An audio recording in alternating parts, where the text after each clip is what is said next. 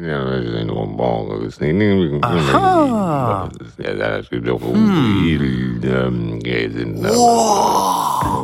Ja. Vzeto na znanje. Podcast Kemijskega inštituta.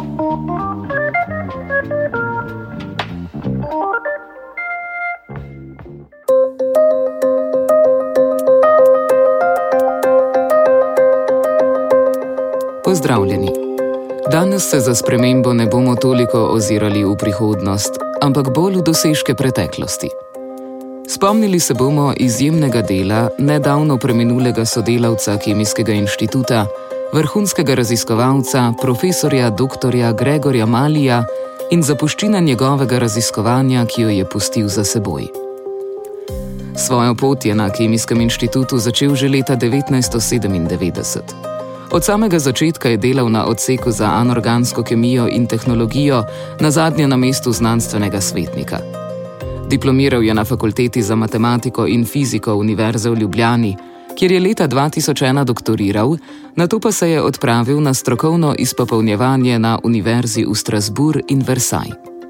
Od leta 2007 je bil habilitiran za področje fizika na Univerzi v Novi Gorici in od leta 2019 tudi na Fakulteti za matematiko in fiziko Univerze v Ljubljani. Posvečal se je predvsem razvoju in uporabi metod jedrske magnetne resonance NMR in računskih metod za študij strukture trdnih snovi. V slovenski prostor je kot prvi upeljal metode visoke ločljivosti za jedrsko magnetno resonanco v trdnem, ki omogočajo upogled v zgradbo materialov in procese v njih z atomsko ločljivostjo. Poleg tega pa je začel upeljevati tudi računske metode, s katerimi je moč napovedati parametre, merljive z magnetno resonanco, kar je povezoval v tako imenovano NMR kristalografijo celostni pristop k določanju zgradbe materialov. V zadnjem desetletju se je precej povezoval z raziskovalci iz tujine, da nimo z univerzama v Lovnu in Cambridgeu, sodeloval pa je tudi s farmacevtskimi podjetji v Sloveniji. Bil je avtor ali soavtor več kot 130 člankov v različnih revijah, vključno z revijama Science in Nature. Leta 2017 je prejel tudi dve prestižni nagradi in sicer Preglovo nagrado za izjemne dosežke na področju kemije in sorodnih ved ter Cojzovo priznanje za pomembne znanstvene dosežke na področju jedrske magnetne resonance materialov. Poleg vsega omenjenega pa je bil tudi priljubljen mentor in sodelavec. Kako pa se je zares začela njegova pot, nam je zaupala profesorica dr. Nataša Novak-Tušar. Prišel je k nam kot doktorski študent in je začel delati na področju, ki ga prej nismo imeli na našem odseku, se pravi na jedrski magnetni resonanci v Trdnem. In uh, Gregor je bil v bistvu zelo prijeten, prijetna oseba, prijazna oseba, pa tudi nekako. Nikoli ni usiljeval svojega mnenja nikomur, ampak ko je pa kakšno zadevo povedal ali pa imel mnenje, je pa to, te besede so imele vedno težo. Bil je karizmatičen v tem smislu, no? Kot, kot oseba. Recimo. Jaz v bistvu sem sodelovala z njim v določenih obdobjih, ko sem potrebovala to tehniko za pač, uh, svoje raziskave. Takrat kot z doktorskim študentom, pa tudi pol kasneje, zdaj na koncu pa sva imela kar nekaj interakcij bolj iz pedagoškega stališča. Ker sem pač jaz tudi zašla v te pedagoške vode in sem ga potem povabila za različna predavanja in sodelovanje s študenti. Področje, ki ga je raziskoval dr. Mali kot doktorski študent, mu je bilo sugerirano strani tedanjega vodje odseka dr. Venčeslava Kavčiča. Potrebovali so fizika, ki bi se začel profesionalno ukvarjati s karakterizacijsko metodo. Kako pa je potem, ko je usvojil znanje z tega področja, tudi sam stopil na pedagoško pot? Jaz sem uh, pač sodelovala pri ustanavljanju doktorskega programa na, univer na Univerzi v Novi Gorici, se pravi sodelovanje Kemijskega inštituta in uh, Univerze v Novi Gorici. V bistvu sem ga povabila kot predavatelja. Za jedrsko magnetno resonanco. Tako da je pač cel čas uh, na, predaval uh, in imel seminarje s študenti, ki so upisali doktorski program. To je bilo eno, eno področje, drugo področje pa, ko sem začela predavati na Univerzi v Ljubljani, pri svojem predmetu uh, sem ga povabila tudi k sodelovanju, da je ta del, se pravi to karakterizacijo z jedrsko magnetno resonanco razložil tudi master študentom. In um, on je imel. Pač ma, je imel eno tako lasnost, da je znal zelo jasno in razumljivo razložiti to metodo, recimo nekomu, ki je začetnik. Kako je spoznal dr. Gregorja Malija, je opisal še eden od njegovih sodelavcev, profesor dr. Janez Plavec z Nacionalnega centra za NMR spektroskopijo visoke ločljivosti. Verjetno sem ga spoznal tako, da ga je profesor Kavčič pripeljal v laboratorij in, in tako, če malo domušno rekel, da je to pa moj nov študent. Moram reči, kako je kolegica razmišljala. Če je to fizik, ki je prešel filtre profesor Blinca, profesor Seligarja in je tako pogumen, da želi se podati na področje analize zeolitev, ker je bil profesor Kavčič mednarodna avtoriteta. Z novo metodo prispevati je to že kar na samem začetku pomenilo eh, medsebojno spoštovanje. In pravzaprav je to zelo, zelo dobro razmišljati, da je to po 25 letih še vedno veljalo. Ko študent pride, je pod mentorstvom in še bolj pogumen je bil, on je v bistvu doktoratu primerjal metodo, ki je ta odsek ni poznal. Vsaka čas pa profesor Kavčič, da je videl potencial s kristalografijo, ker pa je profesor Kavčič bil nedvomno, ali pa se še živ je, nedvomna avtoriteta. In potem to, to kar eh, javnost razume, so seveda te najodličnejši dosežki. Ampak tista prava stroka se pa dogaja, ko rečemo, gremo pa dol v, v jarke, pa kopljemo. To pa je seveda tako visoko specializirano in strokovnjaki ravno cenimo to. Se pravi, ko je mlad doktorant celo, to je imel odlično preznanje. Veste, profesor Blince je tle je že upokojen, ampak mednarodna avtoriteta, če je on nekako stal za takim mladim fantom, vam pove. Se pravi, on je obdelal, ki ga je upravljal in je pripeljal do odlične doktorske naloge moral veliko domačih nalog narediti in se prav preštudirati teorijo do največjih podrobnosti, in takrat je lahko začel raziskovati to, kar smo pa dve, tri leta nazaj kulminirali v reviji Science, ki je nekako največji pojem tega. Ne. Mogoče bi tole analogijo si dovolil, ne vem, če ste violinistka, ampak recimo, če bi meni dal violino, bi verjetno mal brenko sem in tja in bi se naveličal. Ne. Zdaj si predstavljamo, da recimo nek študent akademije zna to dobro izvesti virtuos je pa, pa drug nivo, ne? ko se pa tam za, za, za aplaudom, pa stoječimi ovacijami in, in Gregorja. Vesor Malja bi postavili v ta rang, ob, seveda, 20-letni karieri. Če smo jim še eno misel razviti, se pravi, izredno spoštljiv odnos. Jaz sem znal reči in mislim, da ga to ni motilo, da je moj mlajši brat v tem strokovnem smislu. Dejansko sem bil najprej zelo hvaležen, kako spoštljivo in razumevajoče za opremo. Na NMR centru deluje desetine ljudi, se pravi, moramo zelo dobro zastopati, da drug drugemu kaj ne zakuhamo. Potem pa kot profesor.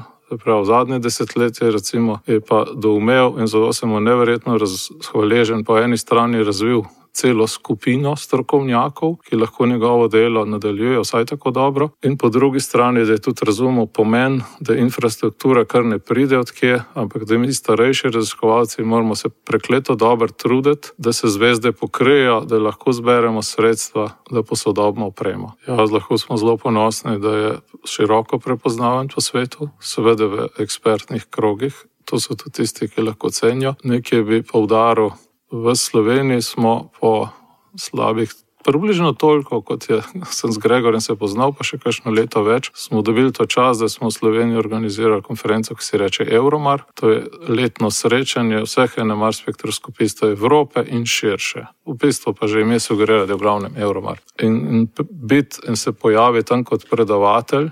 Ko pride od 500 do 1000 ljudi skupaj, ki jih to področje zanima, prevzeti to vlogo. In, in Gregor je v tej stopni karijere, to bi zelo suvereno vladal. Mislim, da to že govori, kaj to pomeni za mednarodne prepoznavnosti. To, kar ni, da bi ga njegov prijatelj nominiral, ampak je zadnji organizacijski odbor, ki seveda ima tudi svoje videnje o pomenu rezultatov, o vizijah, o, o, o aktualnosti tematik, o pomembnosti dosežka. Tako, če ga tako pogledamo, še z tega stališča, je to sigurno. In v bistvu moramo še reči, nekako mlajši rod v tem seniorskem delu. To je človek, raziskovalec, znanstvenik, ki bi v tej državi še veliko lahko naredil.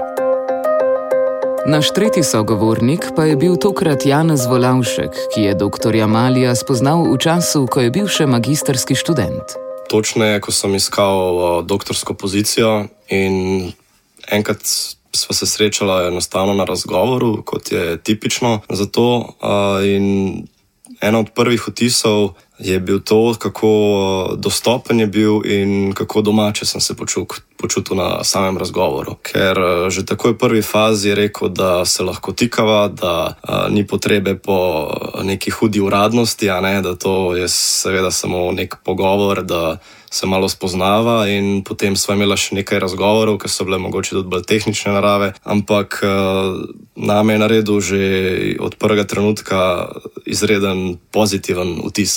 In uh, tudi kasneje no, sem imel to srečo, da je nekako mene izbral za doktorsko pozicijo in sem potem tudi ta doktorat delal pri njemu. Um, začel sem približno pet let nazaj in uh, skozi to obdobje ne, je bil kot človek točno tak, kakršen vtis je naredil ta prvi dan, ko sem ga spoznal. Ne. Tako da to tudi uh, mi je dalo vedeti, kako iskren je in, in, in dobrodušen uh, do ljudi. In to sem tudi lahko opazil potem, kasneje, seveda skozi delo, kjer smo tudi tesno sodelovali na različnih projektih in seveda tudi na doktoratu, ki je bila nekako bolj glavna rdeča nit no, skozi zadnja leta.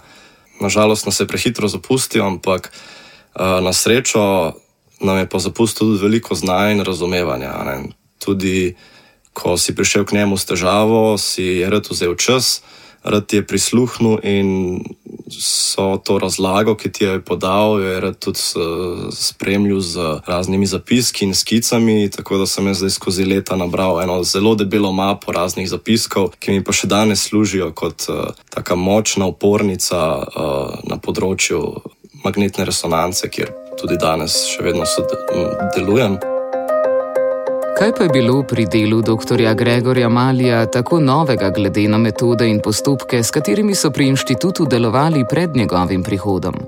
Karakterizacija materijalov, ne, vse tehnike karakterizacije so se v zadnjih recimo, 20 letih neizmerno hitro nadgradile in se začele razvijati, in sicer tudi v smeri, rečemo, operando ko bi rekla, operando uh, karakterizacije. To pomeni, da lahko karakteriziraš nek material med delovanjem. In uh, konkretno, recimo na našem odseku um, oblikujemo in razvijamo katalizatorje in adsorbente. In recimo je s tako metodo zelo dobrodošlo recimo karakterizirati take materijale med njihovim delovanjem. Se pravi, material, ki ga imenujemo katalizator, gledamo, kako recimo deluje med neko reakcijo. Se pravi, da z neko metodo in tudi med drugim z jedrsko magnetno resonanco ta material opazujemo. In uh, v to smer je šlo tudi pač njegovo delovanje. Ne? Začel je uh, na tem, da je najprej postal dober strokovnjak na tej metodi,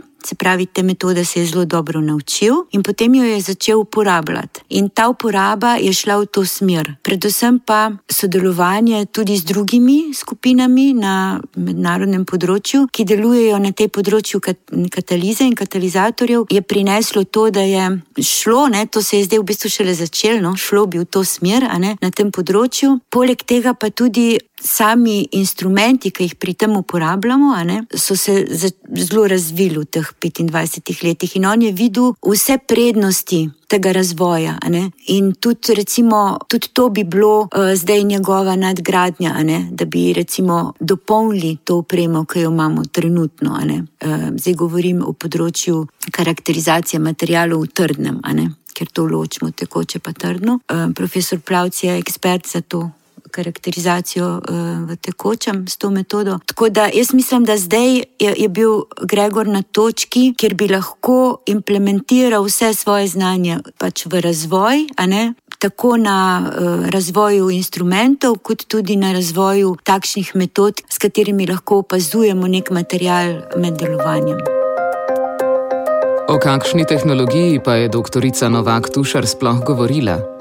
Zakaj uporabljamo omenjene metode, nam je razložil dr. Plavec. Delaš nov material, delaš potencijalno zdravilo, pa ostanemo pri materijalih. Mi želimo, se pravi, ne skuhamo nekaj, pa potem proof of the pudding is eating, ampak želimo razumeti, kako moramo to spremeniti, da bo tako, kot želimo. Želimo, hočemo trden material, želimo tak, ki se upogiba, želimo tak, ki močno sveti. Če se že kar navežem na, na zadnje veliko, tako največje odkritje, led diod, ne, se pravi, prispevek tega. Se pravi, kaj, kaj je treba v strukturi narediti, kako narediti, kako pravzaprav identificirati, da smo uspeli. Ne govorimo pa zdaj o milimetrski ali pa metrski skali, se pravi stvari, ki jih zelo plastično vidimo, si predstavljamo, jih vzamemo v roke. Govorimo o, o tako 10 na minus 10, krat nižji skali. Smo na skali atomov, ne? se pravi, snovi so sestavljene iz atomov in mi, ko kje hočemo kaj spremeniti. In, in to delamo na razno razne inovativne pristope, tukaj nastopi metoda, magnetna resonanca v tem primeru, ki nam lahko pomaga ta uvid. Zdaj pa, če se vrnemo na najnemu virtuozu, kako dober virtuoz sem jaz, da bom znal pravzaprav koncipirati, si zamisliti eksperiment, da bom dobil pogled v ta material. Zdaj, zdaj malo vam je pa že eh, svoj menjak nakazal, eh, magnetna resonanca, že prva beseda. Sicer metoda se pravilno imenuje jedrska magnetna resonanca, ampak ta magnetna resonanca pomeni, da si nekje predstavljamo magnet. Ti magneti so tako eh, človeško velikostjo, kar veliki. Za ilustracijo samo magnetno polje, ki ga ustvarijo, je reda velikosti milijonkrat močnejše kot zemeljsko magnetno polje. To, to, to ni na nek način nevarno, ampak omogoča pogled v stanje atomov. Mi dobimo nekaj, kako bi rekli, tako zelo enostavljeno očala, da spremljamo atomistične detajle strukture v snovi, ki nas zanima. E zdaj, mi smo zelo tlele na materijalih, ker je profesor Mali bil dejansko tudi najbolj aktiven, ampak za slovensko, ali pa moram pravilno reči, farmacijsko industrijo Slovenije, je kakšni obliki učinkovine, se pravi zdravila, kristalizirajo, v kakšni obliki se pojavljajo, tudi izredno pomembno. Stališča zaščite intelektualne rastline, pa tudi stališča to, kako molekulce delujejo, farmakodinamsko bi rekli, ali delujejo v tistem času, ali se pa sprostijo tam, kjer želimo. In te stvari so tudi povezane v teh povezavah strukture funkcije. Ker se je dr. Mali poslovil prezgodaj, so nekatere njegove ideje ostale nedokončane. Eno mogoče bolj prioritetna stvar z mojega stališča je uvedba tako imenovane uh, analize uh, atomskih parskih razdelitvenih funkcij. To gre pa za rezultat iz neke mal bolj niž uh, metode rentgenskega sipanja. To je kot neke vrste nadgradnja trenutnim karakterizacijskim metodam, ki v Sloveniji do zdaj še ni bila nekako uvedena. Ne? In to je bil tudi nekako en od namenov doktorske pozicije, na kateri sem, uh, sem začel in uh, je nekako komplementarna tej magnetni resonanci, ne, izredno komplementarna. Po drugi strani sem bil pa tudi direktno opredeljen v študiji eh, materijalov z magnetno resonanco. Eh, zadnje dve leti sem mogoče posvetil bolj kot ne več čas eh, predvsem magnetni resonanci um, in zdaj tudi, kar se tiče samega nadaljevanja, ne, njegove vizije je bila ta, da bi skupino, ki se ukvarja z magnetno resonanco v trdnem, da bi jo razširili ne samo iz vidika infrastrukture, ampak tudi iz vidika uh, znanstvenikov.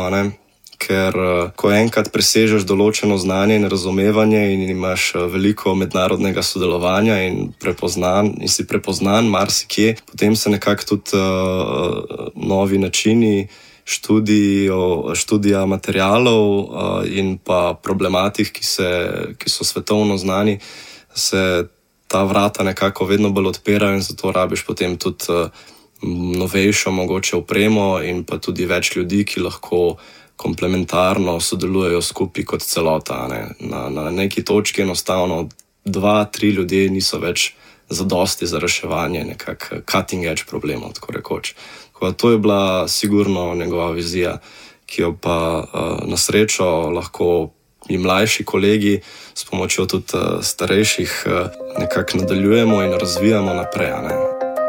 Dr. Gregor Mali je zagotovo pustil velik pečat tako na strokovnem kot v privatnem življenju. In ne na zadnje.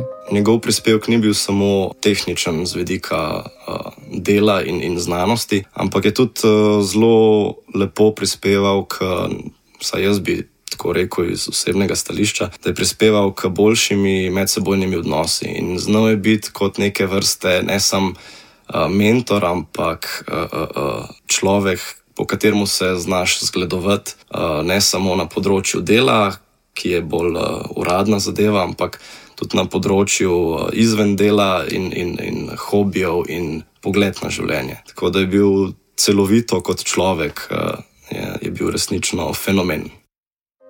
S tem pa tudi zaključujemo današnjo edicijo podcasta Vzeto na znanje. Z vami sem bila tudi danes Pija. Lep pozdrav. Umil,